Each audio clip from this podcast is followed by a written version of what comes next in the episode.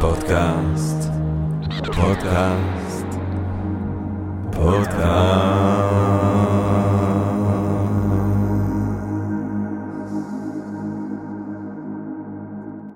טוב, גבירותיי ורבותיי, ברוכות וברוכים הבאים לפודקאסט של Think and Ring Different, פודקאסט למי שאוהב לחשוב ולשתות. אני ג'רמי פוגל, ואני עדיין מתעקש. למרות הכל, להתחיל עם רגע של הודיה, לעצם היש, לעצם המציאות הזאת שמאפשרת לנו למרות הכל ובהינתן כל אלה, לפגש כאן למען הרחבת הדעת, העמקת הידע, גירול, סיפוק הסקחנות, אולי רעיון נשגב מעורר השחאה, וגם אולי בתקופה הזאת אה, מזור, אה, איזשהו סוג של אה, מחשבה שיכולה באיזשהו אופן לתחום, גם אם באופן מאוד מאוד חלקי, לתת מזור, גם אם לכמה רגעים, וכולנו ביחד ובעברית, ושום דבר מזה לא מובן מאליו. אנחנו שמחים שאנחנו ככה מצליחים להמשיך ויש לנו את ההזדמנות להמשיך ואנחנו מקבלים את כל ההודעות שלכם ואת התמיכה וזה מאוד מרגש. ולמי שזה עוזר אז אנחנו פשוט ממש מתחגשים מהתגובות שלכם. אנחנו רוצים היום לדבר בעצם על טראומה מראי של הפסיכולוגיה החיובית. עכשיו, כבר דיברנו בפודקאסט על פסיכולוגיה חיובית, מי שזוכר או רוצה לבדוק, הפרק עם דוקטור מעיין בוימן, אבל בגדול הפסיכולוגיה החיובית זה אותו רעיון של מרטין זליגמן, שאומר בעצם הפסיכולוגיה עד כה עסקה בעיקר במשברים. בהתמודדויות נפש, במשברי נפש, במה שנקרא מחלות נפש, בכל מיני צדדים יותר קשים, יותר מאתגרים, אולי יותר שליליים של הנפש האנושית, אבל הנפש האנושית היא לא רק המרכיבים האלה, היא לא רק האירועים האלה, הנפש האנושית היא גם אושר, והיא גם חוסן, והיא גם הצלחה להתמודד, והיא גם כל מיני דברים חיוביים. למה שלא נלמד גם את הדברים ההם, ולפי התובנות האלה, אולי נדע לכוון ככה את הרווחה הנפשית האנושית באופן מיטבי. עכשיו, השאלה שאנחנו בעצם רוצים לעסוק בה היום, בהינתן מן הסתם האירוע המתגלגל שאנחנו כולנו ככה חווים ונמצאים בו, זה מהם התובנות דווקא מהפסיכולוגיה החיובית, שיכולים לעזור לנו כבר עכשיו, גם להתמודד עם מה שעובר עלינו עכשיו, וגם להטיב את ההתמודדות שלנו עם מה שנשאר איתו בדיעבד, אם וכאשר הדיעבד הזה יגיע ואנחנו נגיע אליו. כדי לדבר על כל הנושא הזה, אנחנו שמחים, נרגשים מאוד לארח כאן את פרופסור אורן קפלן. פרופסור אורן קפלן עשה תואר ראשון ושני בכלכלה ומינהל עסקים באוניברסיטת תל אביב, ואז הוא עשה עוד תואר ראשון בפסיכולוגיה ועוד תואר שני בפסיכולוגיה קלינית. את הדוקטורט שלו הוא כתב גם באוניברסיטת תל אביב בפסיכולוגיה קוגניטיבית, הוא חקר קשב ולמידה. בעיסוק שלו כפסיכולוג קליני שמתמחה בטיפול בפוסט-טראומה, הוא עבר בעצמו באיזשהו שלב סוויץ' שאנחנו נשמע עליו רבות כאשר הוא התחיל לעסוק בפוסט-טראומה דווקא בכלים של הפסיכולוגיה החיובית. עשה מחקרים גדולים, פורצי דרך בתחום, כמה אלפי בני נוער, גם על זה אנחנו נשמע בהמשך. הוא מטפל גם בהיפנוזה, תחת רישיון של משרד הבריאות, כן, אל תנסו בבית, או שכן תנסו בבית, אם בא לכם. היה 30 שנה במכללה למינהל, כחבר סגל, כחוקר, אז כדיקן של הפקולטה לניהול, ולבסוף כנשיא המכללה. כשמיצה את הפרק הזה בחייו, חזר בעצם לבסיס, היום הוא שוב עוסק בקליניקה, מטפל בקליניקה שלו, וכמו כן מנהל התוכנית לפסיכולוגיה חיובית באוניברסיטת תל אביב, הוא גם יועץ של ההסתדרות הרפואית בכל מיני עניינים, סביב השאלות האלה של חוסן וסביב השאלות האלה של עידוד החוסן באמצעות הפסיכולוגיה החיובית, בין עיסוקיו הרבים והמרתקים כולם. פרופסור אורן קפלן, שלום רב. שלום. טוב, אז בוא נתקוף ישר לברית הצוואר, ואולי... אולי נראה לי ש, ש, ש, שהפעם דווקא לב העניין שלנו מבחינתי זה באמת המעבר הזה ש, שאתה עברת. אז אולי אתה יכול לתאר לנו את הלפני ואז את המעבר ואת האחרי. זאת אומרת, איך היית מטפל פעם כפסיכולוג קליני בפוסט-טראומה, ואיך ולמה התחלת בעצם לחשוב שהדרך המיטיבה לטפל בזה היא דווקא באמצעות פסיכולוגיה חיובית. כן. אני חושב שמה שמטריד קודם כל זה ההבחנה.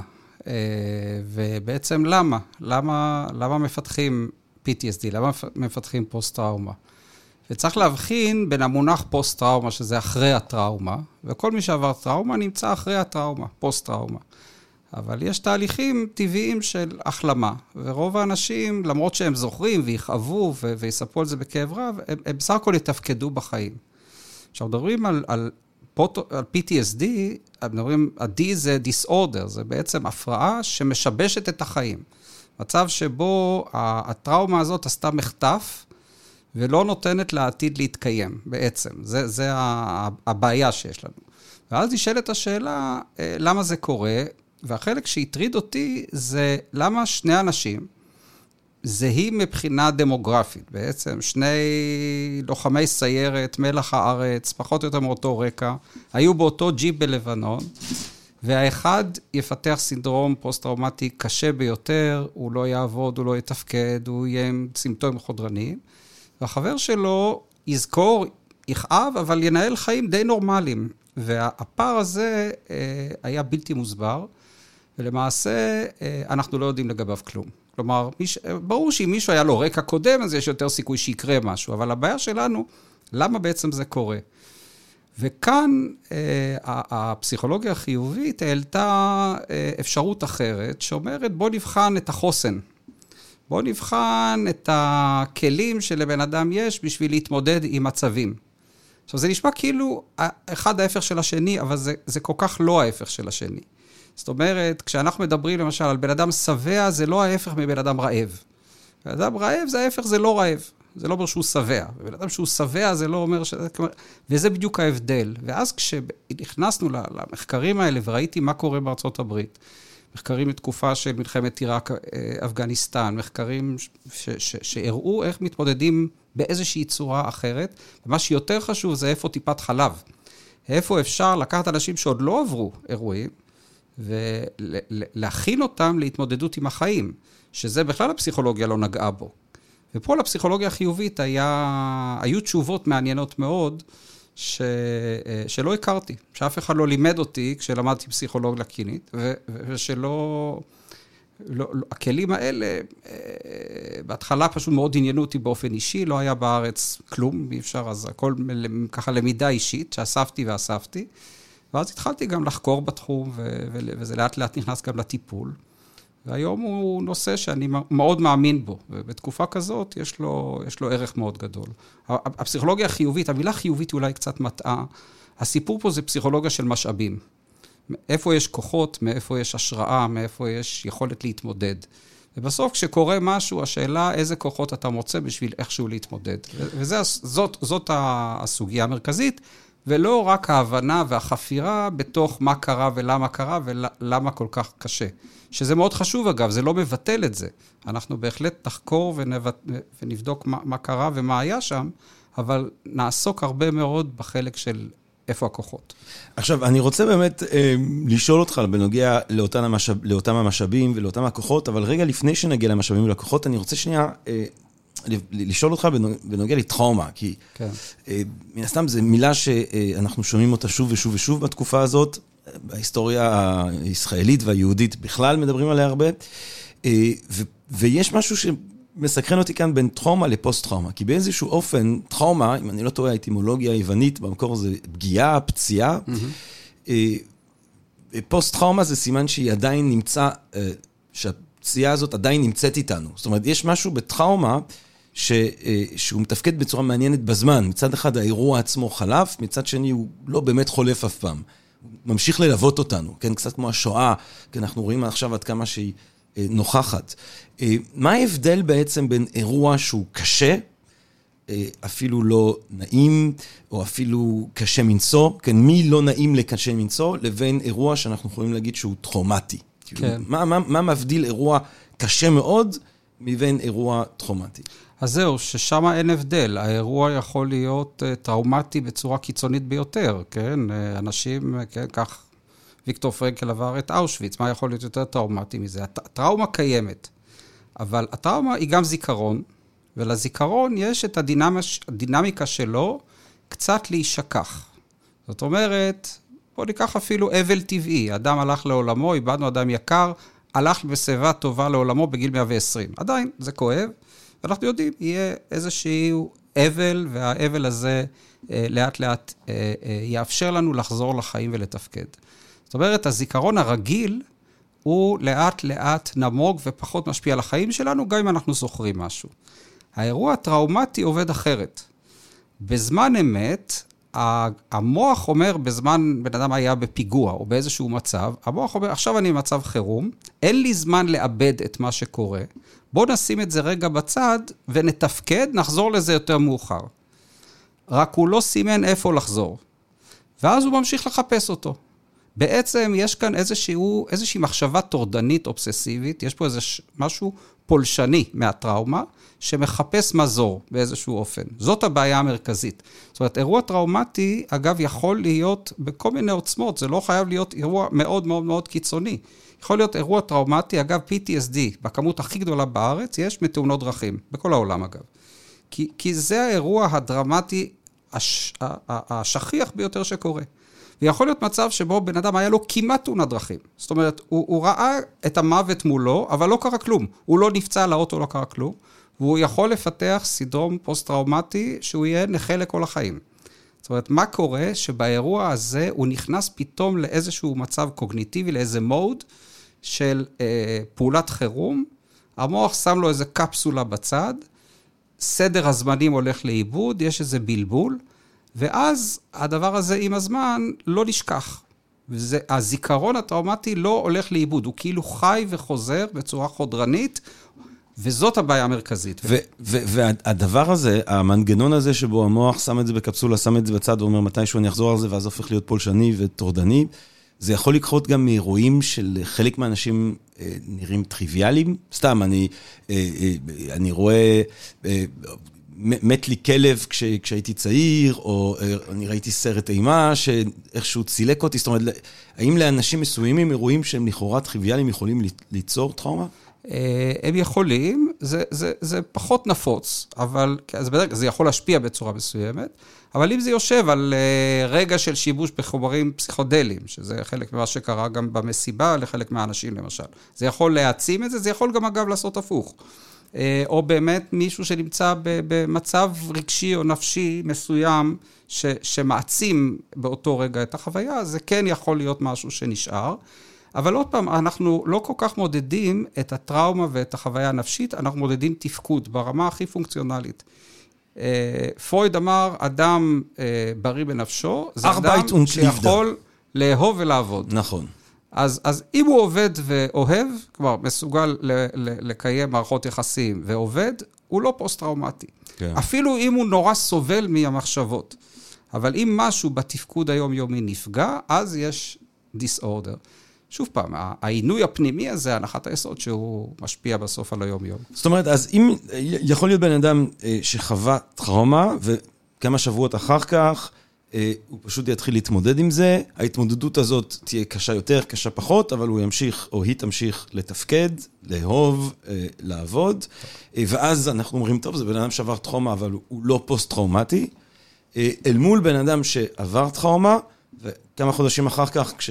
תתחילנה ההתמודדות, אנחנו אומרים שקשה לקיים אה, יחסים אה, אוהבים וקשה לעבוד, ואז אנחנו נגיד, יש פה אה, פוסט-טראומה. נכון, נכון. זה מראה אגב שפרויד היה פסיכולוג חיובי. נכון? כי הוא אמר, מה זה, הרי מה זה לעבוד ו- ולאהוב? זה, זה, זה פסיכולוגיה חיובית, זה המשאבים של החיים. התפקוד של המשאבים עובד. ובעצם היכולת להפעיל את המשאבים, בגלל זה אנחנו כל כך אומרים עכשיו, בוא תעסיק את עצמך במשהו. ת, ת, ת, ת, את החיבוק החברתי, תלך לעבוד, תעסיק, תעשה תחביב. הפעולות האלה יסיחו את דעתך מה, מה, מהמצוקה, מהחרדה, ממה שקורה, ואז המוח מקבל איזו פרופורציה לחיים. הוא אומר, אוקיי, חמש דקות בשעתיים אני רואה חדשות, אני שומע על הזוועות, שעתיים פחות חמש דקות אני עושה דברים רגילים, דברים אחרים. ואז, למשל, היחס הזה, שקוראים לו יחס החיוביות, הוא חלק מפסיכולוגיה חיובית. אומרים, מה, מה המינון הסביר לחוות את העולם כדי שתוכל לתפקד בצורה טובה. האמת היא, השיחה הזאת מזכירה לי שאני פעם, לפני הרבה שנים, ככה עבדתי, או חצי, whatever, חצי התנדבות כזאת, אבל אה, במקום של אה, מתן שירותי בריאות, והיה שם באמת הרבה אוכלוסייה פוסט-טראומטית, ואני זוכר שהמדריכה הסבירה לי, ש... באמת שני אנשים, בדיוק כמו שאמרת, יכולים לחוות את אותו האירוע, ואחד, כן, האירוע הזה יגרום לאיזושהי קריסה נפשית, השני לא, אבל היא גם אמרה, לכל אחד מאיתנו יש איזשהו רף. והשאלה היא פשוט איפה הרף הזה נמצא. Mm-hmm. הרף הזה שמעליו אנחנו לא נוכל לשאת את מה שחווינו.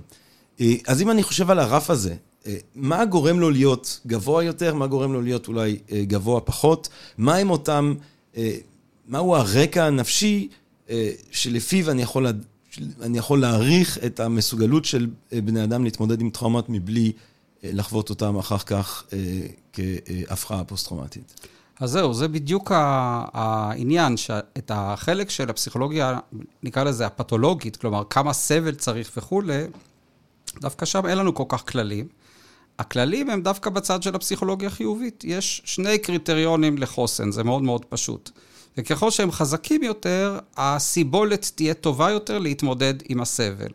אחד זה social support, כלומר, יש לך איזה מעגל חברתי שנותן לך תמיכה, כזה או אחר, והשני זה חיבור למסוגלות עצמית, ליכולות, לחוזקות. אני עוד שווה משהו, אני יודע לעשות משהו. זהו, זה שני העקרונות.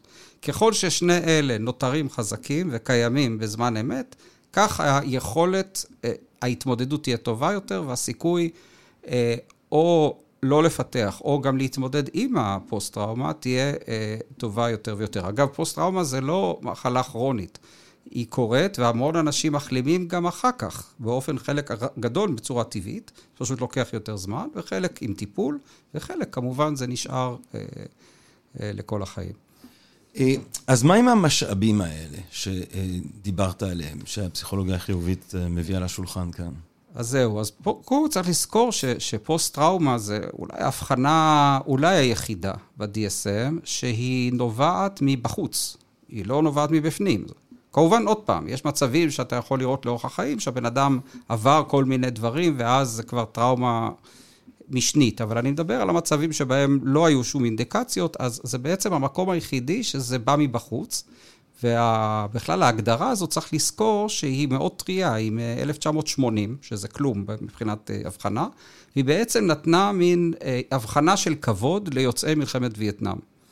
כי ראו כל מיני סימפטומים, שהיה להם כל מיני שמות לא נעימים בספר של הפתולוגיות, ואמרו, זה לא יכול להיות, החייל הזה הגיע מווייטנאם, יש לו פלשבקים, זה לא פסיכוטי, אבל זה לא זה וזה לא זה.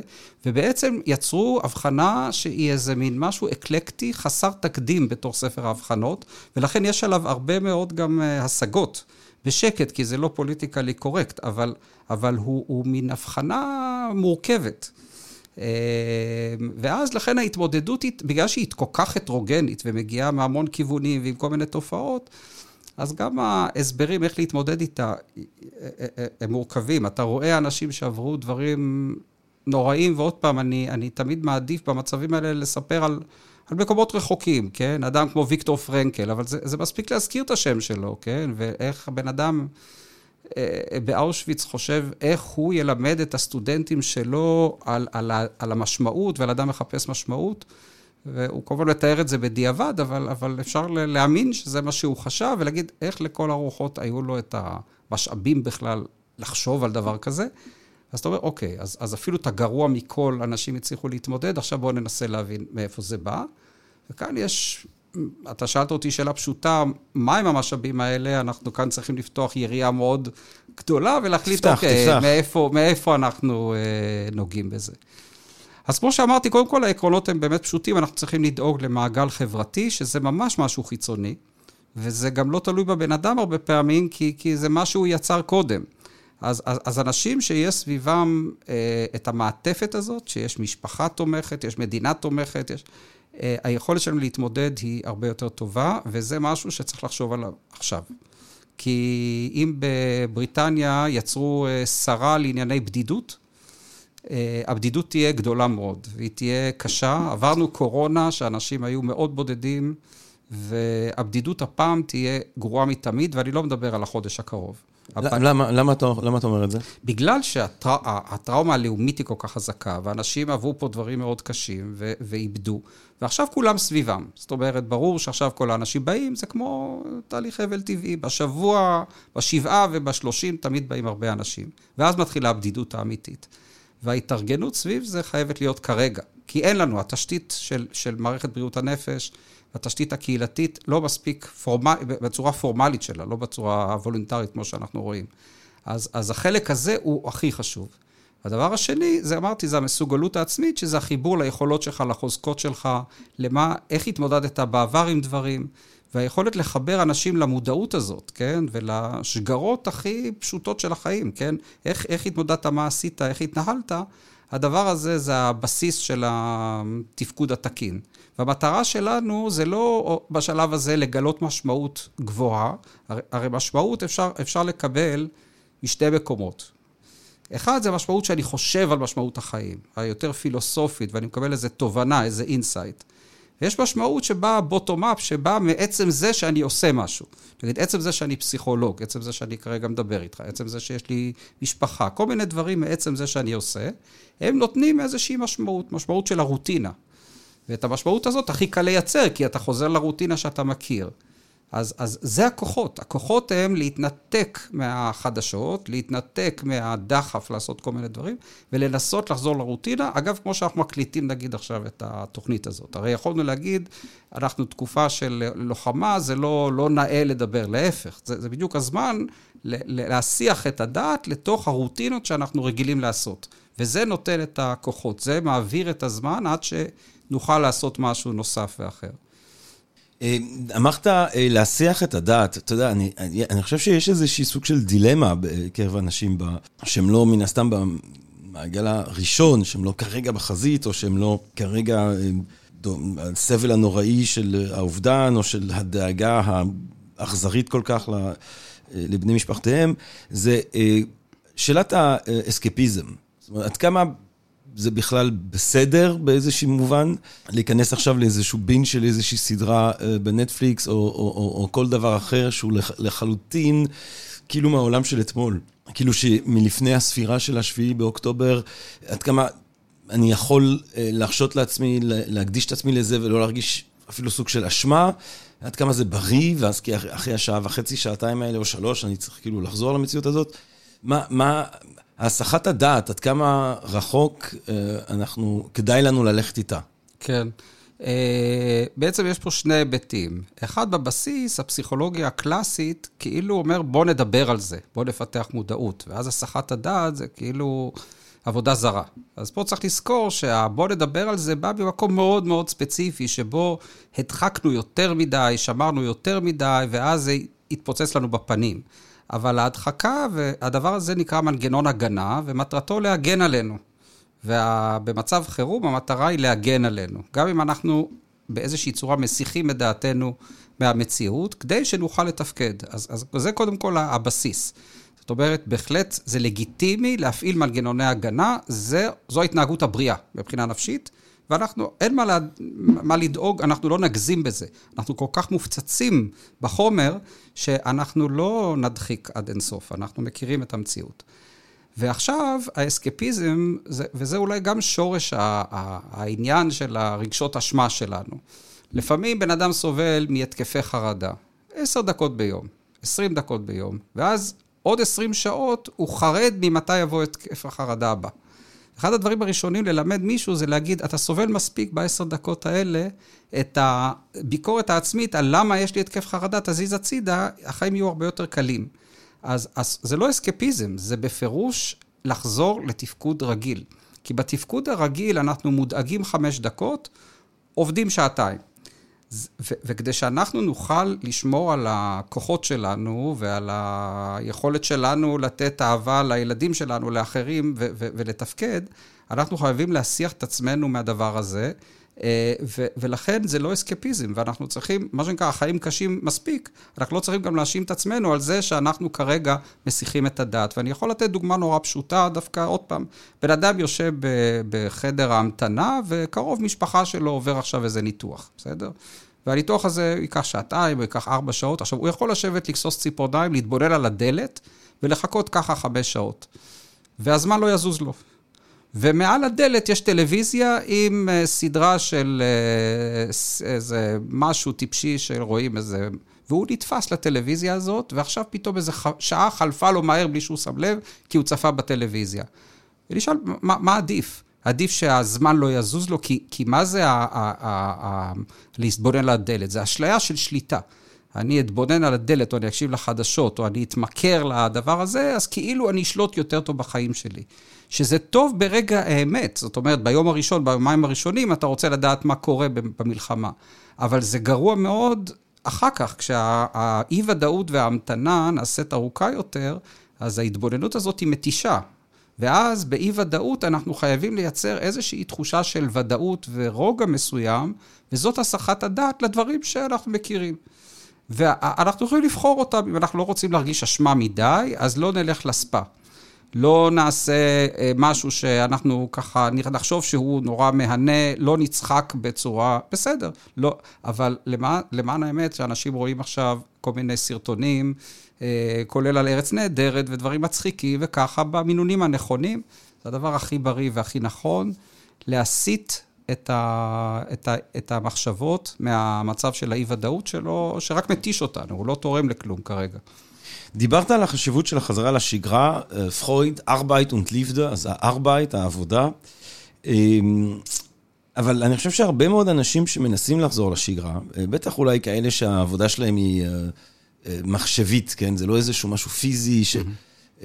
הם שמים לב שהקשב שלהם מאוד נפגע כן. בתקופה הזאת. אף אחד לא מצליח להתרכז, נכון? אתה שומע, אני לא מצליח להתרכז, אני לא מצליח להתרכז, זה סוג של מנטרה שאתה שומע שוב ושוב ושוב. א', למה? למה, זאת אומרת, אתה גם חקרת קשב, אז, כן. אז, אז, אז למה אה, הקשב שלנו כל כך נפגע, ואיך אנחנו יכולים לנסות, בכל זאת, אה, לנסות אה, לחזק אה, את המסוגלות שלנו אה, לקשב גם בימים האלה? כן. אה, בוא ניקח רגע אנלוגיה, אוקיי? אה, בחור צעיר ביער גשם בווייטנאם, מתבונן על הטבע. עכשיו, ניקח שתי אופציות. אחד, זה אה, חייל אמריקאי, מלחמת וייטנאם, והוא בודק איפה חייל וייט קונג יתקוף אותו. הקשב שלו מפוזר לכל הצדדים, כן? אם הוא עכשיו ישים לב ליופי הטבע, כי אני אעשה את הסוויץ' לבחור ישראלי, סיים צבא, חסך קצת כסף, עכשיו נסע ליערות וייטנאם ונהנה מהטבע. והוא מתמקד על הרעש הספציפי של הציפורים. אז המוד של הקשב של הבחור הישראלי שנהנה מהטבע, במצב של החייל האמריקאי הוא היה מת, כי היו תופסים אותו מיד, כן? החייל האמריקאי לא קולט את יופי הטבע, הוא בכלל לא מתמקד, כי הוא מפזר את הקשב לכל הצדדים. זאת אומרת, במצב של משימות ועבודה רגיל, של מצב רגיל, אנחנו ממקדים את הקשב במשהו, עד כדי טייס אוטומטי כזה שאני אפילו לא שומע מה קורה מסביבי. אני כל כך ממוקד במה שאני עושה, וזה מאפשר לי לעבוד. ובזיכרון לטווח קצר שלנו הוא מאוד קטן, יש שם בסך הכל שבע מקומות, אה, שחלק מהם גם צריך לתת לכל מיני דברים, ואז נשאר לי מעט מאוד מקומות להתרכז. אה, ובמצב חירום, אני פשוט, נלקח לי כל המשאבים האלה של הזיכרון לטווח קצר, או זיכרון העבודה שלנו, וזה מחכה לנמר שיתקוף אותי. עכשיו, למען האמת, אה, ביום הראשון זה עוד הגיוני, אבל בשבוע השלישי או הרביעי, וכשאתה לא נמצא ב, ב, בלב הלחימה, ואגב, שם גם צריך קשב, אה, זה לא הגיוני. אין טעם לשבת במצב חירום. עכשיו, ההשלכות של זה הן הרבה יותר חמורות מהמתח, כי זה פוגע במערכת החיסונית, כי זה פוגע בהרבה מאוד מערכות, כי אנחנו לא בנויים להיות כל הזמן במצב חירום. ולכן אנחנו חייבים להרגיע. אז בשבועיים הראשונים לימדנו הרבה איך לנשום. אה, או לרוץ, או לעשות מדיטציה, או, או לעשות כל מיני פטנטים כאלה, שאוקיי, זה לא עבודה ממש, אלא רק להרגיע את הגוף. אבל מערכת העצבים האוטונומית שלנו יוצאת משליטה, ואז אנחנו לא מתפקדים. עכשיו, זה נכון שלחזור לעבודה זה קשה, בדקה הראשונה, בחמש דקות הראשונות. אבל once שקענו לתוך ספר שריתק אותנו, או לתוך העבודה שתרתק אותנו, כן? זה נקרא flow, זרימה בזה. זה, הדבר הזה, ואגב, בעיקר התאמנו עליו שנים קודם, זאת אומרת, כי זה הדבר שהכי מרתק.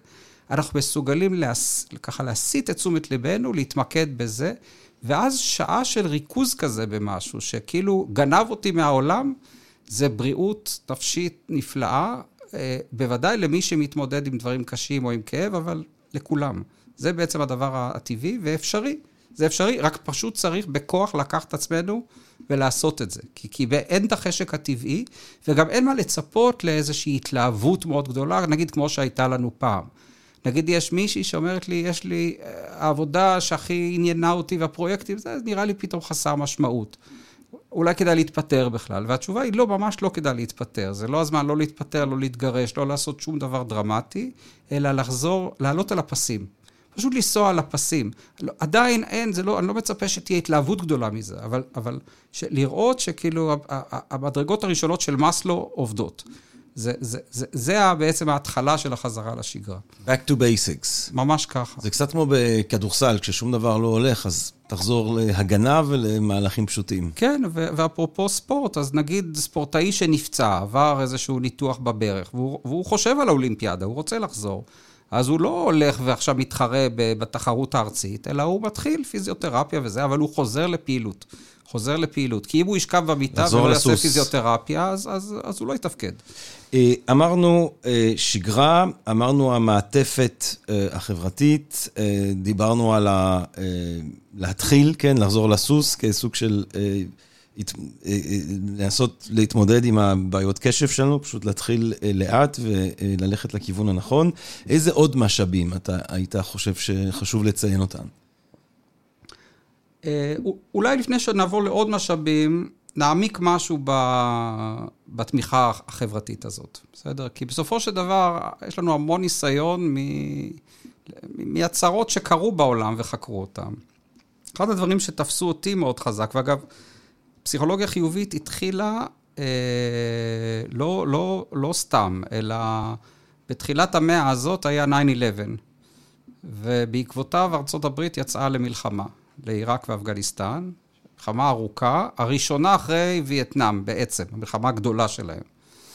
אה, והפחד הכי גדול, הרי מלחמת וייטנאם, המחזמר שיער, זה, זה החיילים הפוסט-טראומטיים שמגיעים הביתה ובאחוזים מאוד מאוד גבוהים.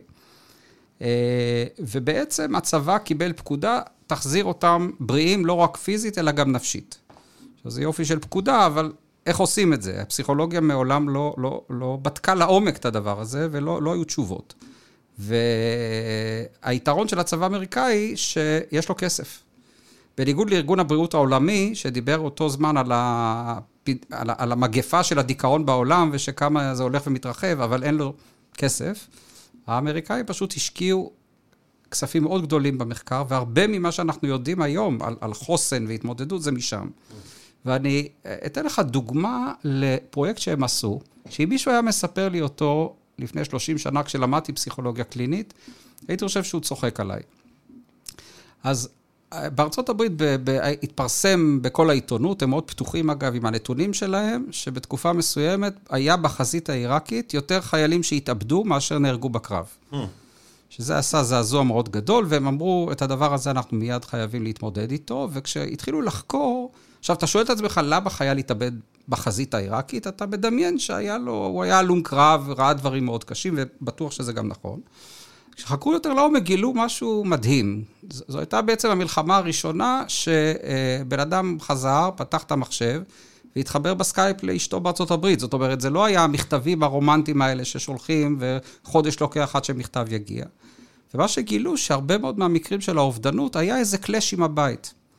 אשתו אמר, אמרה לו שהיא עוזבת אותו, או משהו, והם גילו שלעורף שם יש חשיבות מאוד גדולה. ואז הם עשו איזה פרויקט, שבו ה... לקחו איזה קבוצה, והחייל.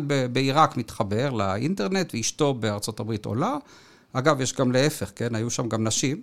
ויועץ כזה של כמו מכון אדלר מתחבר, ועכשיו הם עושים אה, שיחה שבועית, ככה לעשרה שבועות. על הבית, על הילד, לאן לשלוח אותו לקולג', לא כי היה איזה בעיה, אלא כאילו עושים איזו שיחה עמוקה. זה הטיפול.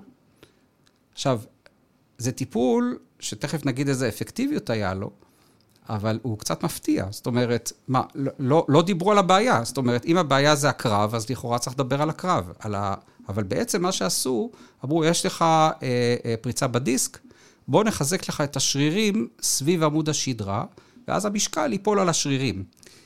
אה, ובעצם אה, מובן לנו, כשאנחנו מסתכלים לעומק, שהרבה מאוד מהחיילים שהיה להם PTSD אחרי וייטנאם, זה קרה אחרי שהם חזרו לארה"ב, ושהם מצאו שם שוקת שבורה, זאת אומרת, לא היה להם בעצם לאן לחזור. והרעיון הזה שבעצם אתה הולך ומחזק את, ה, את החיבור שלו לעורף, כן? כי כשאנחנו רחוקים, הרי עיראק זה לא כמו אצלנו שעולים לרמת הגולן וחוזרים תוך יום, בוא, אחרי צהריים לתל אביב. הם נסעו, ואז השיחות הן קצת מנוכרות ומרוחקות, כמו שאנחנו נגיד נוסעים לחו"ל, מתקשרים ארצה, זה לא איזו שיחה עמוקה. ואז כשיש איזו שיחה עמוקה כזאת פתאום, ומדברים, ו...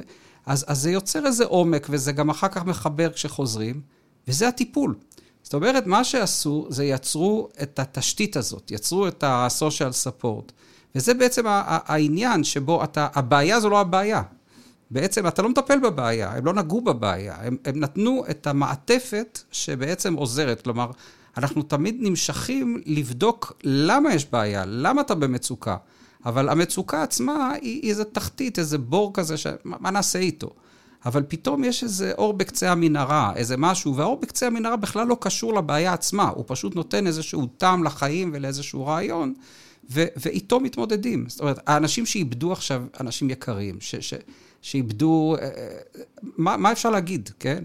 אבל זה שיש אה, משהו אחר בחיים, יש להם עוד בני משפחה, יש להם משהו לעסוק בו, יש פה משהו שנותן טעם לחיים, זה, זה, זה הדבר ש, שעליו אפשר להתנחם, זו התרופה.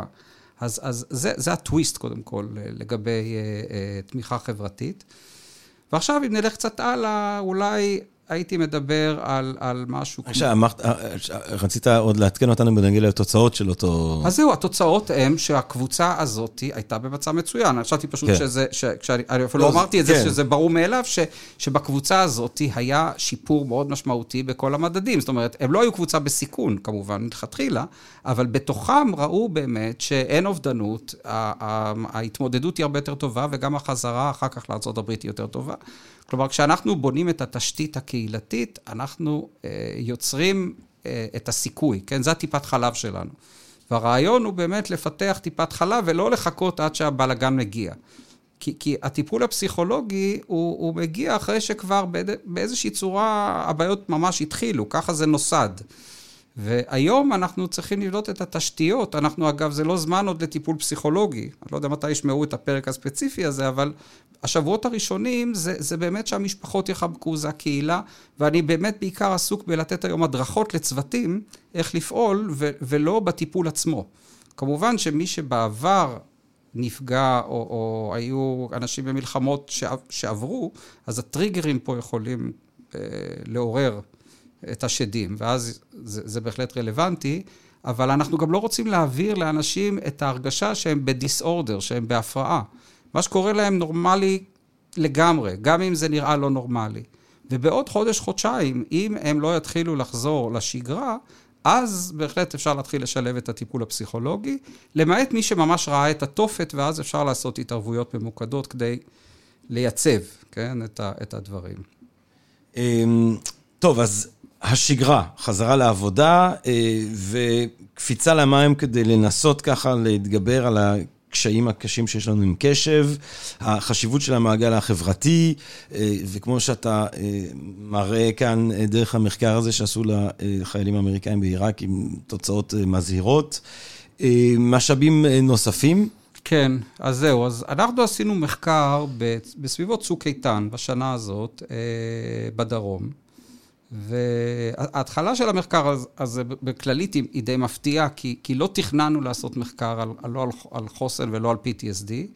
אה, זה מחקר בבני נוער, שהמטרה שלו היה לבדוק כל מיני דברים לכאורה מאוד טריוויאליים, כמו מה יקרה אם נשמיע מוזיקה בכיתה, האם זה ישפר את הלמידה, כן, דברים מהסוג הזה, אבל במקרה, ממש במקרה, אה, רוב התלמידים היו מהדרום. ועשינו מדידה מוקדמת, העברנו שאלונים, מאוד מקיפים, ואז אחרי שלושה שבועות נפלו הטילים. אחרי תקופה מאוד ארוכה שהיה שקט בדרום. את המחקר כמובן אי אפשר היה לעשות, כי אתה לא יכול לכתוב לכתב עת, אה, אה, כן, השפעתי מוזיקה בכיתה וזה, ואגב, נפלו עליהם טילים קודם, כן. אבל אה, היה לנו database נדיר מאוד של אוכלוסייה, שבעצם, קודם כל, קהל רחב ונורמטיבי, זה תלמידי תיכון. אה, שלפני שלושה שבועות מדדנו אותה, ופתאום עוברים, ואנחנו ככה אמרנו קצת בהומור שחור, שמישהו אחר כבר השמיע את המוזיקה. עכשיו בואו נלך לראות מה קורה. ובאמת המשכנו את המדידה, ובדקנו אה, חוסן. בדקנו, בסוף בדקנו גם PTSD, בדקנו הפרעה פוסט-טראומטית, אבל עניין אותנו מאוד התפקוד.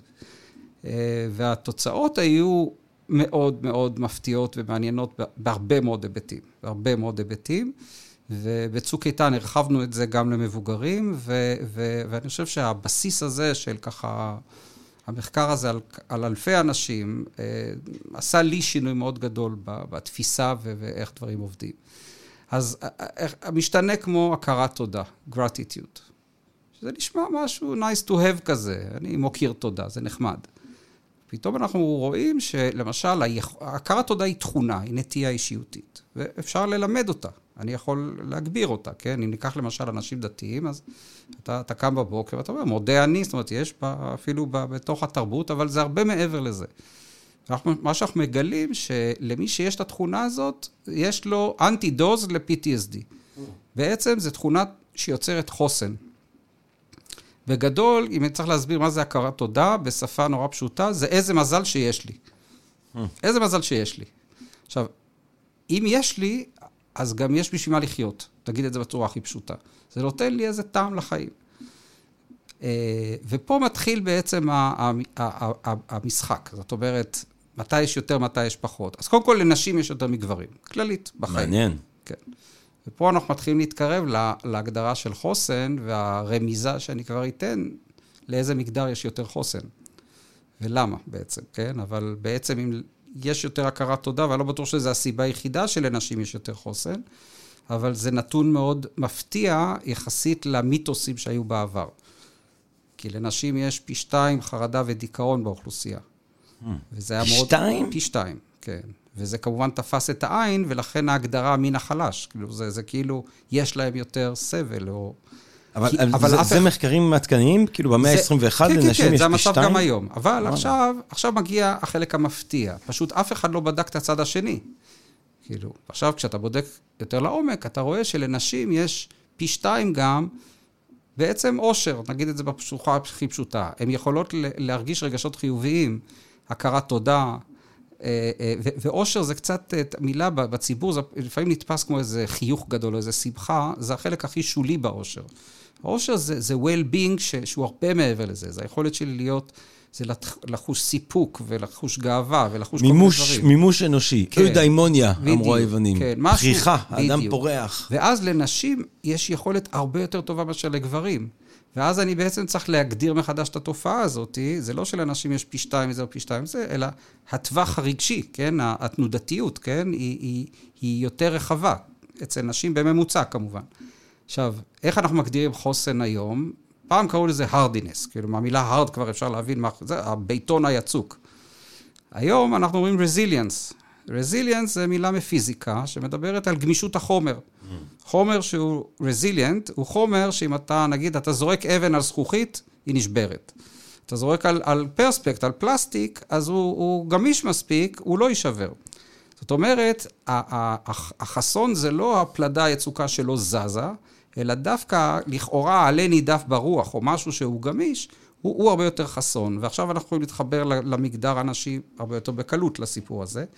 ואז אנחנו רואים באמת הכרת תודה הרבה יותר גבוהה אה, אצל נשים, ו, ויש לזה השלכות מאוד גדולות לעמידות שלהם.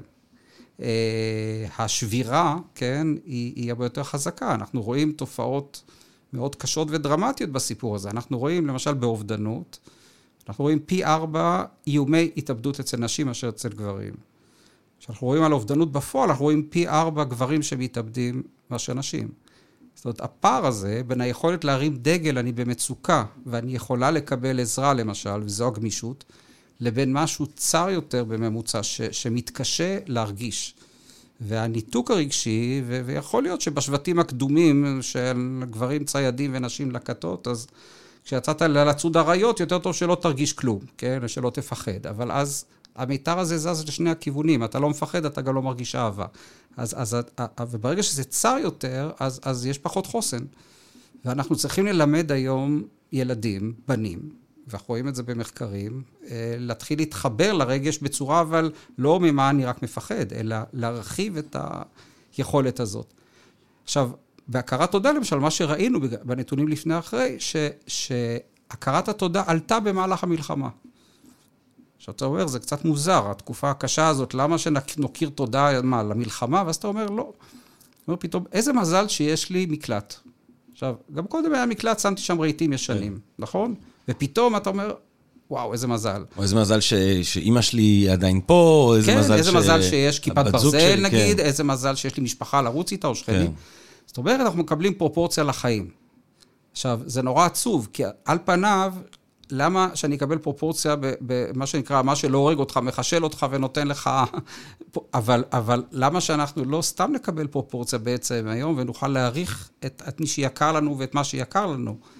וזה מה שנקרא צמיחה פוסט-טראומטית, שבעצם הרבה או, פעמים אנחנו חוטפים. את המכה על הראש, ומזה הרבה פעמים באה צמיחה. כן. אז אני רוצה, אני באמת אה, רשמתי לעצמי כבר, צמיחה פוסט-טראומטית, כי זה משהו שרציתי, אה, קודם כל באמת פשוט אה, לבקש ממך, מה זה? מה זה כן. צמיחה פוסט-טראומטית, וכבר להוסיף איזשהו סוג של הערה כזאת, האם... האם אין בזה משהו שהוא, אתה יודע, נורא, נורא, נורא מעצבן, בעצם הביטוי הזה באיזושהי צורה, לבוא עם מעין דרישה לצמיחה. אתה יודע, אנחנו חיים כן. כזה בעולם שבו הכל זה הזדמנות, וכל משבר זה הזדמנות, ותנצל את הזמן שלך נכון, ותחייך, ותהיה מאושר, ותממש את עצמך, ותהיה בריא, ותהיה בכושר. וכל הציפיות האלה, באיזשהו שלב אתה רוצה להגיד, טוב, די עם, ה- עם הדיקטטורה הזה של הציפיות, שאני בן 60, אני צריך להיראות בן 20, אני חייב להיות מאושר, ואני חייב להיות אה, אבא טוב, ועובד טוב, ובן זוג טוב, ובן טוב, ודי כבר, די. ועכשיו כן. גם בטראומה אני צריך לצמוח, די. אז זהו, שאנחנו לא, באמת אם אנחנו מסתכלים על זה בצורה כדרישה, זה יותר בעייתי.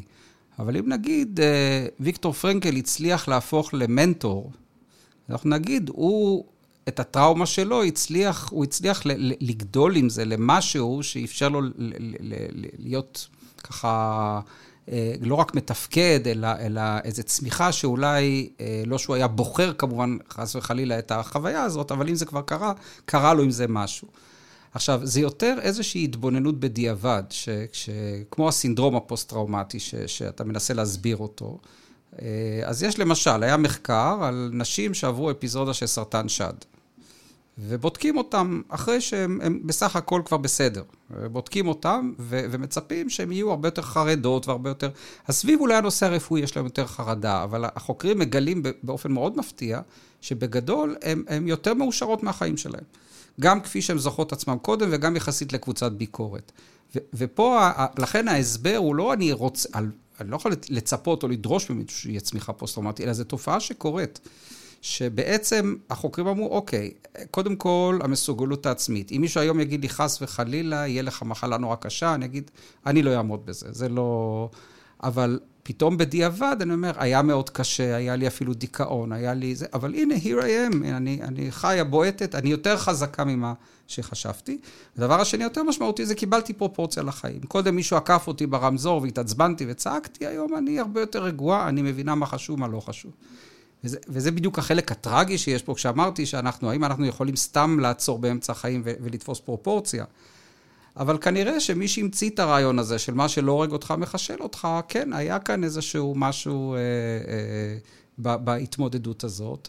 ואין לנו פה גם מה לצפות. זה לא שאני יכול להגיד למישהו, יהיה לך... זה, זה, זה יהיה מעצבן אם אנחנו נגיד למישהו, יהיה לך צמיחה פוסט-טראומטית.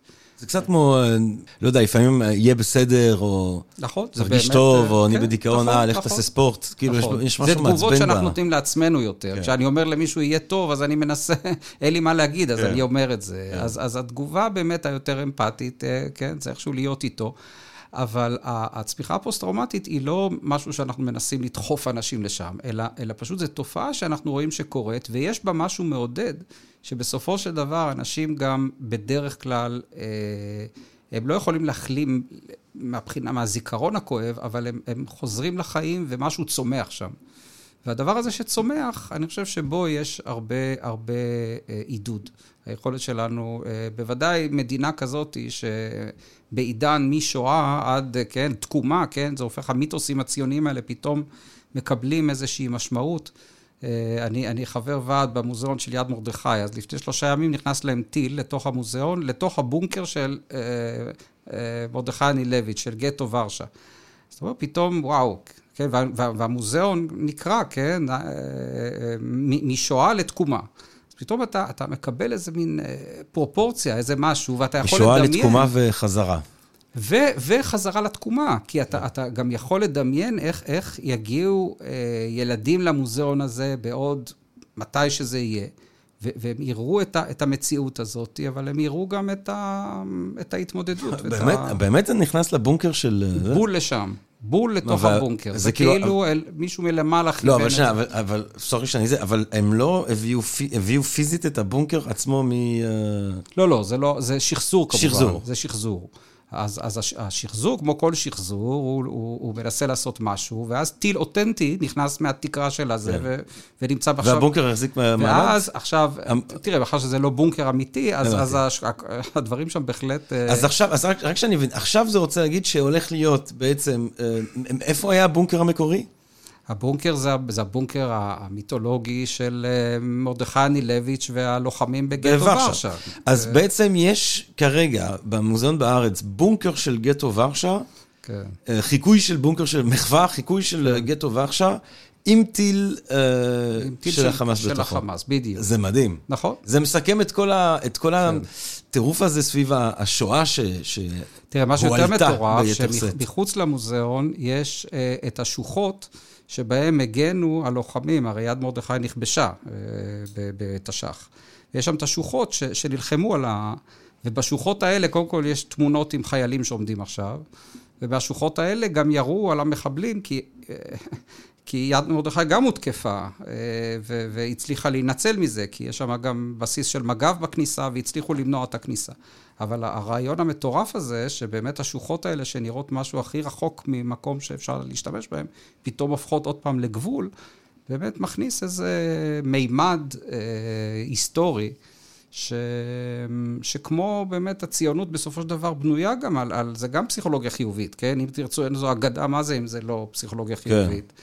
אז, אז משהו בדבר הזה כן נותן איזה שביב אופטימיות שעוברים, אתה יודע. תראה, ב... אני כן חושב שצריך להפוך את המוזיאון הזה למוזיאון הפוסט-טראומה הישראלית עכשיו.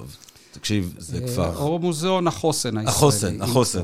כן, אם כבר מוזיאון החוסן. אה, אני רוצה לשאול אותך שאלה כמטפל, גם כפסיכולוג. אתה יודע, אנחנו גם אתה, אני רואה שאתה אה, מנדב מהידע שלך, מהניסיון שלך, מהידע שלך, אתה ככה נותן אה, החצאות ומפגשים ומייעץ, והרבה מהחברות, החברים, מכירים שהם עוסקים בטיפול ובמקצועות הטיפול ובפסיכולוגיה, והיה לנו גם ערב מיוחד ששידרנו כפרק שעשינו סביב הנושאים האלה, לוקחים על עצמם איזשהו תפקיד חברתי כזה, ואז גם אני מניח שאתה ממשיך לטפל גם בקליניקה, ואנשים באים ו... מדברים איתך על הקשיים שלהם, איך הפסיכולוגים מתמודדים עם המצב הזה? כן. זאת אומרת, אני שמעתי מישהו אומר לפני כמה ימים, שדווקא כשפונים אה, לצד שלך, אה, כאילו, הבהי, הבוגר, הזה שצריך לעזור, זה דווקא עושה לך טוב, זה כאילו מפעיל בך... אה, זה כאילו משתק את, ה, את הצד שלך כילד מבוהל, וכולנו קצת ילדים מבוהלים במציאות החדשה הזאת, וזה כאילו לוקח אותך למקום שצריך להיות אחראי, שצריך למצוא את המשאבים ל... אבל, אבל עדיין, זאת אומרת, כן. איך, איך, איך לך יש אה, בתקופות כאלה סבלנות לבעיות הקטנות של המטופלים שלך, או אה, כוח לדבר ככה, לנסות לעורר השחאה, לנסות אה, להוביל למקומות יותר טובים. כן. תראה, בעניין הזה, אני לא חושב שלפסיכולוגים יש איזו אה, יכולת שונה משאר בני האדם. אה, הם מוצאים את עצמם באותה סיטואציה. מה שכן, אם, אם אמרתי קודם שאני מבין שהסחת דעת והתמקדות בעיסוקים הרגילים של החיים הם הדבר הכי נכון, אז, אז זה מה שעשיתי. זאת אומרת, הבנתי שזה המצב והתחלתי לעבוד, התחלתי לפעול. והבנתי שזה באמת מושך את תשומת הלב שלי החוצה. מה שכן, הורדתי מיד את כל uh, המאמרים והדברים שיש בספרות בשביל לרענן את המצבים, כי בכל זאת יש דברים שלא נגעתי בהם הרבה זמן, אז... אז וזה גם כן, ו, ו, ו, ובאמת זה עשה uh, פעולה מאוד טובה בשבילי. של גם להרגיש משמעות, כן? כי היכולת שלנו באמת אה, לתת, להעניק, אה, היא, היא היכולת הכי טובה. זאת אומרת, מבחינת הטיפול בעצמנו, כי, כי אם יש לי מה לתת, אז עוד פעם, זה קצת כמו הכרת תודה, אז יש לי משהו. אז, אז אה, זה נותן איזושהי משמעות. והדבר השני, זה מסיח את הדעת במשהו ש, שהוא העיסוק היומיומי שלי. אז אני צולל לתוכו. אבל מבחינת מצוקה, אני לא חושב שהפסיכולוגים הם שונים במצב הזה. ואגב, זה הסיכון הכי גדול שיש לכל הצוותים המטפלים. בגלל זה אני גם עובד עם רופאים, כי זה נקרא טראומה משנית, בעצם הטראומה שיש לצוותים, כן? אתה צריך להציל את ה... אומרים במטוס, שאם יש ירידת חמצן, קודם כל שים על עצמך את המסכה, ואז שים אותה על, על, על הילד שלידך, על חסר הישע, אז, אז באמת צריך לשים לב. והלשים לב זה, זה לשים לב באופן ש, שפעם בשעה לשים שעון מעורר, שאני אקום ואני אזוז טיפה ואני אוכל משהו. אה, כלומר, זה, זה לתפקודים הפיזיולוגיים קודם כל, ו, ולעיסוק. ואני לא בטוח שהפסיכולוגים או אנשי הטיפול, יש להם בעניין הזה יכולות חוסן יותר גדולות מאשר באוכלוסייה הכללית. אה, אה, הלוואי, אבל אני לא חושב. אני, אני חושב שאנחנו מתמודדים עם אותם דברים עצמם. אני רוצה לשאול אותך שאלה ככה ספציפית בנוגע למצב הישראלי, כי אני חושב שאנחנו באמת יוצאי דופן אולי בדרגת הפוסט-טראומטיות או דרגת הצמיחה הפוסט-טראומטית, mm. ברמה הלאומית, כן? אני, שוב, אני אומר את זה שוב ושוב ככה בימים האחרונים, אבל עם כל זה שתמיד ידעתי וכולנו ידענו שהשואה היא כאילו בין המיתוסים המכוננים, הוא לא מיתוס כן. מן הסתם, אבל מתפקד כמיתוס מכונן באיזשהו אופן מהחינוך הכי מוקדם, אתה פשוט, הרגע הזה ממש מנכיח עד כמה שאנחנו עדיין בזמן שואה באיזושהי צורה, כן? מגיע הטראומה הלאומית הזאת, ואנשים מקעקעים לעצמם את המספרים כן. על הזרוע כמו באושוויץ, ומוסיפים למספר 600, 6 כן. מיליון. 1,500. אה, אתה גם רואה בתגובות של השורדים שהם מיד אה, הגיבו, כמו שהם זכו שאנשים הגיבו בשואה, להסתתר מתחת לגופות, כל מיני דברים מזעזעים כאלה שלמדו מהשואה. אה, ואז אם לא חוזרים לשואה, אז אפשר לעזור ליום כיפור, ולכאב של השכול שמלווה אותנו, והיום זיכרון לחללי מערכות ישראל שובר ליום כיפור. זאת אומרת, אנחנו במדינה שבה הטראומה הוא באופן מאוד בולט במרכז האתוס הלאומי, הרבה יותר מבמדינות אחרות. אה, האם לדבר הזה יש ביטוי אה, כלשהו מחקרי, אה, השוואתי? זאת אומרת, אם אנחנו רואים את ההתמודדות של ישראלים ואנשים ובני התרבות הישראלית אל מול אנשים ממדינות שבהם טראומות הן פחות חלק מהשיח הלאומי, מהאתוס הלאומי, יש, יש לדבר הזה איזשהו סוג של ביטוי מחקרי כלשהו? כן, אה, יש, יש ביטוי מחקרי בהרבה דברים, אבל פה אי אפשר להפריד את זה, אה, וזה בדיוק, לכן פסיכולוגיה חיובית היא כל כך משמעותית, כי הטוב והרע הם, הם די בלתי תלויים. ולמה אני מתכוון? ישראל, יש, יש מדד כזה, אה, האירופאים פיתחו אותו, שנקרא happiness index. זה בעצם מדד המשמעות או מדד העושר, אה, במובן הרחב אבל של המילה, זה לא כמה הם שמחים, כן? יש איזה, לא יודע, 160, 180 מדינות שם. ישראל בשנה שעברה הייתה במקום רביעי, ולא מהסוף. זאת אומרת, אנחנו יחד עם דנמרק, שווייץ, פינלנד, כלומר הסקנדינביות בעיקר, ושווייץ. אה, עכשיו, זה מטורף, כאילו, אתה אומר, מה? כאילו, ארה"ב, אנגליה, גרמניה, מה אין, מצבם לא יותר טוב, כאילו, מה, מה, מה, מה מסביר את הדבר המטורף הזה? גרמניה לא, זה אני כבר אגיד לך. אז, אז, אז אנחנו, אה, עכשיו, אני בטוח שאנחנו, לצערי, גם ממה שקרה בשנה הזאת לפני האירוע וגם מה שקורה עכשיו, נזוז. אבל מה זה נזוז? נזוז עד מקום 20? נזוז במקום 15? אז, אז יש כאן תופעה שקשורה בעיקר לקהילתיות. יש פה איזושהי, ורואים את זה, שאנשים מתגייסים, אנשים הולכים ומתגייסים, ו, ו, ו, ולא ראו את זה בעולם. אני לא אומר, ב-9-11, אז האנשים שהיו בתוך ניו יורק באו ועזרו, אבל זה לא, לא תופעה שאנחנו רואים בסרי לנקה עם הצונאמי וזה, לא התגייסות מהסוג הזה. יש כאן משהו קהילתי שהוא מאוד מאוד חזק, אה, והוא הקונטרה לדבר הזה. ולכן, כשאנחנו מסתכלים בפסיכולוגיה חיובית על, ה, על המצוקה, אנחנו לא מסתכלים כמה טוב או כמה רע, אלא אנחנו מסתכלים, אנחנו קוראים לזה פוזיטיביטי רשיו, יחס. זאת אומרת, הסיפור פה זה לא, נגיד יש לך רע קטן אחד, אבל יש לך טוב אחד גם, זה מצב של דיכאון קליני. כאילו, חצי טוב, חצי רע, זה נשמע לא רע. אנשים שמתגרשים, חצי מהזמן בסדר. עכשיו, יכול להיות רע נורא, אה, אה, עשר, כן? פי עשר, אבל אם הטוב הוא פי שלושים, אז, אז היחס עדיין נשאר. ואפשר, יש ממש מדדים למהו היחס. עכשיו, יכול להיות ש, שהדברים הבעייתיים, אז, אז, אז צריך פה בשביל לפתור שיהיה שלום ויהיה זה, כל מיני דברים, אבל בסוף, נגיד, אתה הולך לשחות בים, ויש לך איזושהי קהילתיות, ויש איזו שייכות, ויש כל מיני דברים שבסוף נותנים לך איזושהי יציבות, וזה דבר אחד או שניים חיוביים שמחזיקים את כל הסיפור. זה לא ש... יכול להיות דברים קשים מאוד שאתה מתמודד איתם, אבל יש כמה דברים טובים שמחזיקים, ואז אתה מקבל תופעות כאלה של מדינה שנמצאת בסטרס תמידי, אבל בכל זאת, אה, אנשים אוהבים להיות פה. ותיירים שמגיעים, אני, בתקופה שהייתי במכללה, דיקן ונשיא, אז הבאנו הרבה סטודנטים מחו"ל, שלא יהודים אפילו, לא, דווקא קשורים לזה, והם התאהבו במקום, זאת אומרת, היה משהו ברוח היזמית ובמה שקורה פה. ו...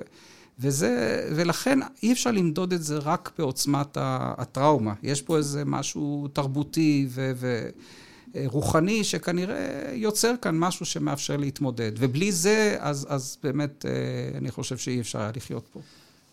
אני תוהה אם, אם אין פה אולי משהו שהוא אפילו עוד יותר הדוק בקשר בין הטראומה, בין האיום המתמיד שאנחנו באופן כללי נמצאים בו, וטוב שלא לדבר על עכשיו, לבין אה, רמת העושר הזאת ורמת, והחיוניות המדהימה שיש כאן. תמיד אני אומר שתל אביב, אהובתי, היא בעצם... סוג של כפר גדול, כן? כן. אתה לא, תראה, טוקיו, המפלצות, לונדון, ניו יורק וזה, אבל זה המקום היחידי שהוא בעצם עיר קטנה שיש, שיש לה ברמה האנרגטית את האנרגיה את ה, כן. אה, של, של מנהטן או של לונדון או של הערים הענקיות, כן? יש את השילוב המדהים הזה של רמת החיוניות שאנחנו מצליחים כן. אה, לייצר כאן, שזה דבר מדהים. ואני תוהה אם זה לא בדיוק בגלל האיום הזה של המוות תמיד. האיום הזה של הכיליון תמיד, בגלל שיש לנו תחושה שכל רגע נתון הכל יכול לקחוס, אז אנחנו ככה שותים, שותים שבא, יותר אני מהחיים. אני חושב שבעבר כן, אני חושב שמשהו השתנה בשנים האחרונות, אני מקווה שהוא גם יחזור. וזה עוד פעם, קיבלנו מה, עוד פעם, מהסטודנטים הקנדים ומכל מיני כאלה שהגיעו לפה, וזה היה הקטע של ה start-up nation, של היזמות. כי הדבר הזה, אם תרצו, אין זו אגדה, כן? שהתחיל כאיזה משהו חברתי והפך גם, נכון, גם למשהו כלכלי, אבל אנשים נמצאים באיזה mode פתוח שהכל אפשרי ואפשר לעשות דברים. והאווירה הזאת, אני חושב שנמצאת בתל אביב חזק. זה, זה, זה מה ש... כי תל אביב היא לא נורא יפה ולא כלום, והסטודנטים נגנבו ממנה, אני זוכר שזה היה... מאוד יפה. לא בכוונה אולי. אז זהו, זה לא היופי הקלאסי שאתה תבוא... זה יופי אקראי. וזה משהו מה... כן, מה, מהאורבני ומהזה, ומה, זה, זה אוסף ו, ומשהו בדיוק באנרגיה הזאת. ו, וכשמדברים על אנרגיה, אז, אז זה העניין. כשאתה מסתכל על המדינה עכשיו, איך שהיא מתארגנת וכולם, ו, ואפילו המחאות שהיו קודם, כן? יש בזה אה, אנרגיה. אז זה נכון שנגיד במחאות, כן, בפרה-היסטוריה, זה נראה כמו פרה-היסטוריה, זה היה לפני חודש. אז, אז היה צד כזה והיה צד כזה, אבל כל צד היה נורא מגובש בתוך עצמו. והתחושת שייכות הזאת, שיש לי קבוצה שאני שייך אליה, היא, היא מאוד מאוד משמעותית.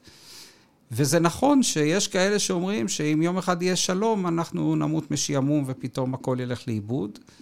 אני רוצה לקוות שבאמת יהיה משהו אחר, אבל, אבל, אבל אולי אני אגיד משהו על תקווה, כי זה, זה גם כן משתנה אה, שאני שמעתי אותך כמה פעמים מדבר עליו בחשד, ובצדק. כי למשל, מה שגילינו במחקר הזה, שאנשים, תקווה, תקוותיות זה גם תכונה. יש אנשים שיש להם תקווה, וזה לא אופטימיות אגב, אופטימיות זה, זה יותר שייך לכאן ועכשיו, זה, mm. זה שייך, זה יותר דומה להכרת תודה, כן? אז גילינו שאנשים שהתקוותיות גבוהה, היה להם סיכון גבוה יותר לקבל PTSD, mm. אוקיי? כי למה? כי, כי בעצם תקווה זה אומר, יש לי תוכניות לעתיד. ופתאום קורה משהו לא צפוי, זה מקלקל לי את התוכניות. כן. אבל החלק המפתיע יותר, זה שאחרי המלחמה, אחרי צוק איתן, אנשים עם אותה תכונה עצמה, זה הקטין סיכוי ל-PTSD. כי אחרי המלחמה, מה נכון להגיד? זה, טוב, מה שהיה היה, בואו נסתכל על העתיד. וזה החלק החשוב, שגם על תכונות חיוביות, כי כמו תקווה זה משהו שכולם נורא אומרים. צריך להסתכל על הדברים בצורה מאוד נכוחה, כמו שאומרים. נגיד, בתקופה הזאת, עדיף בלי ציפיות גדולות. עדיף זה באמת ש, ה... שלא יבוא המנהיג ויגיד, הסטורית. אנחנו נחסה, נעשה, כן. כי אתה, אתה בונה אכזבה. אתה בונה אכזבה. אתה בונה אכזבה. זה, זה באמת התובנה הסטואית שאני מרבה לחשוב עליה בזמן האחרון. אה, שתקווה היא בעצם כמו תמונת מראה של פחד. כן, אומר סנקה, שכמו נכון. ש... אה, כמו שאסיר קשור לחייל שמחזיק אותו, ככה אה, תקווה קשורה לפחד. הם שניהם כאילו מאפיינים נפש שהיא נמצאת במתח, שלא אה, נוכחת בהווה. אה, לכן, בלי תקווה, בלי פחד. באופן כללי זה יושב, יש תפיסה יוונית עתיקה שתקווה זה משהו שהוא, שהוא אה, סוג של קללה, כן, בתיבת פנדורה, בסוף רק התקווה, כן, לא יוצאת נכון, וכולי. נכון. אה, זאת שאלה, זאת שאלה, אני חושב שיש, יש, אני לא אוהב לדבר על היהדות, אבל יש הר, הרבה מהפרשנויות היהודיות הבולטות שמות דגש מאוד גדול על התקווה, האידיאל המשיחי, כן, התקווה לזה שהמשיח יגיע, כן. אה, לשנה הבאה בירושלים הבנויה.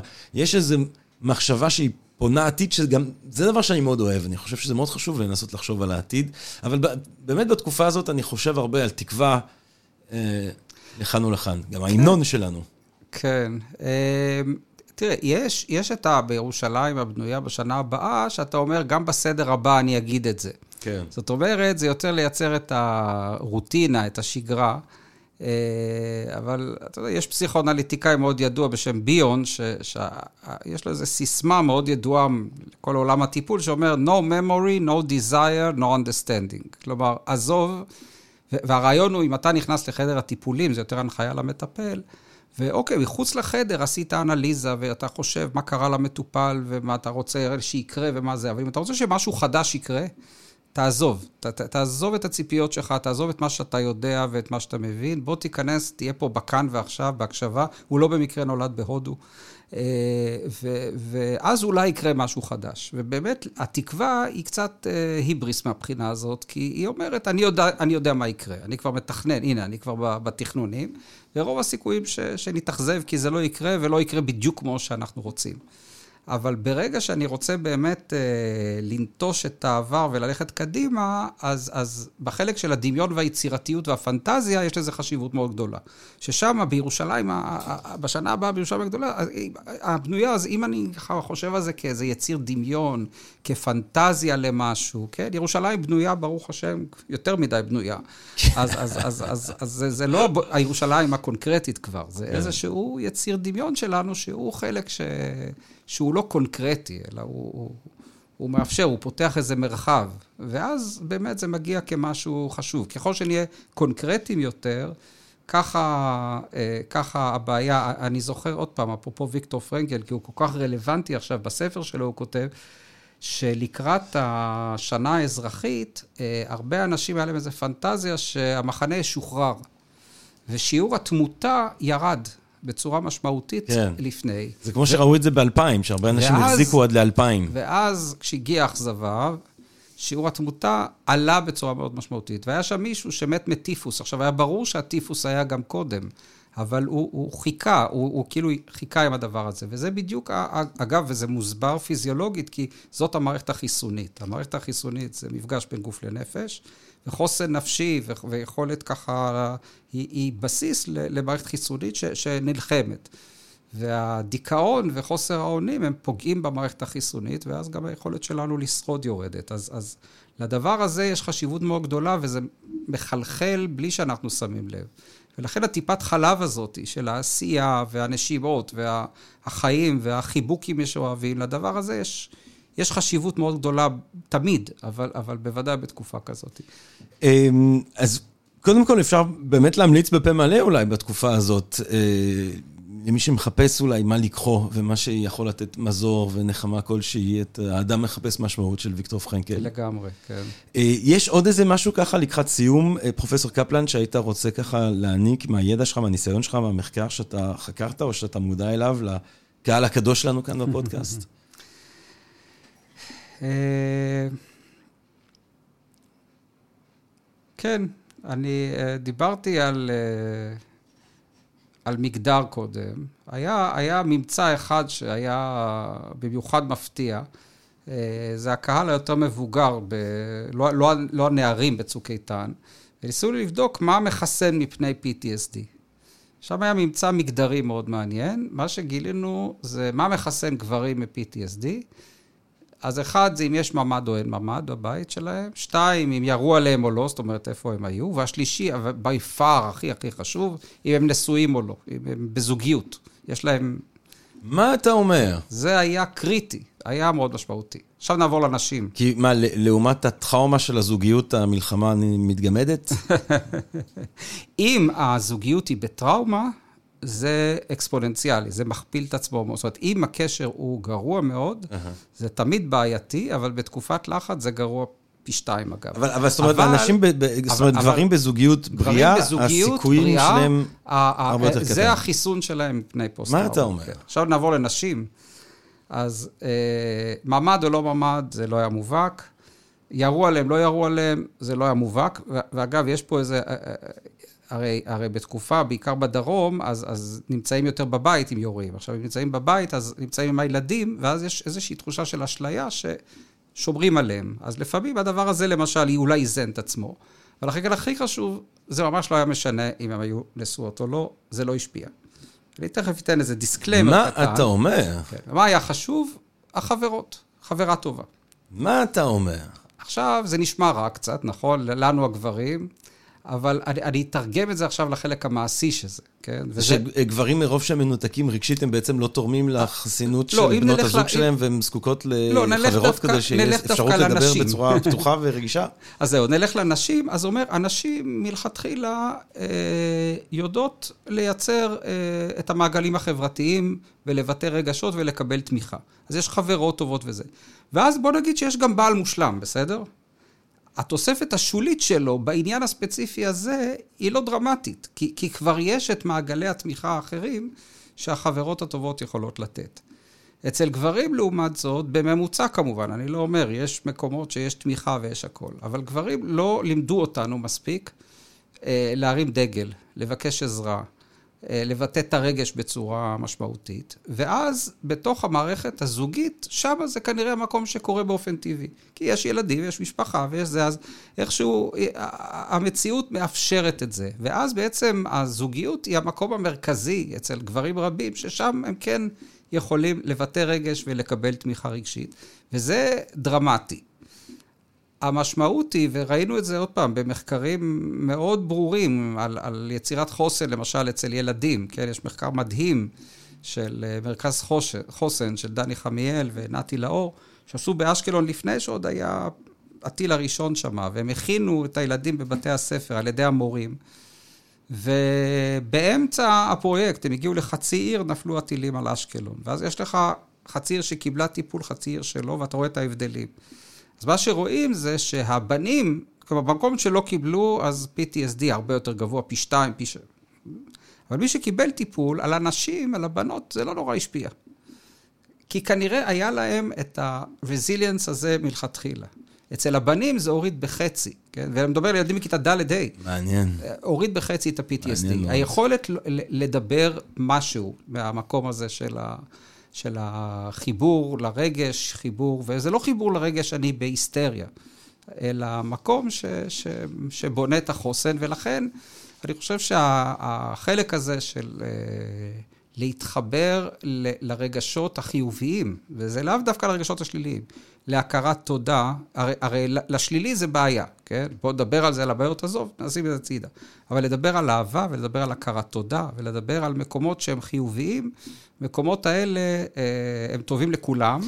אבל uh, אצל הבנים יש מקום. מעניין מאוד, כי בעצם אתה אומר שהמחקר המדעי, כן, זה תמיד מראה גם עד כמה שמחקר בפסיכולוגיה וסוציולוגיה הרבה פעמים אה, סותר את הסטריאוטיפים שאיתם אנחנו uh, גודלים, כן? כי אל מול התפיסה שדווקא יש כוח mm-hmm. וחוסן בשקט ולא לדבר ולא לפתוח ולהיות... כן. ככה ממוקד בתכלס, אז פתאום אתה מראה, לפי הדברים שאתה מביא כאן עכשיו, שדווקא הדיבור והשיתוף והתכונות האלה שהיו נתפסות אולי כרכות יותר, הם בעצם נכון, מאפשרות הגמישות, את, ה, את, הגמישות, את החוסן הזה. הגמישות. ובתקופה שהעולם משתנה כל כך מהר, אם אין גמישות להתאים את עצמך, כן. אז אתה הולך לאיבוד. אז יכול להיות שהקשיחות שה, הזאת שהייתה קודם, התאימה לעולם יציב וקשוח, ששום דבר לא משתנה, אז אתה יכול להיות, כן. למרות שאתה יודע, אתה כבר רואה בדאואיזם, הם אה, הבינו את הדברים האלה במאות שנים לפני הספירה, כן? הם, איך הם אומרים? אני חושב שזה ב...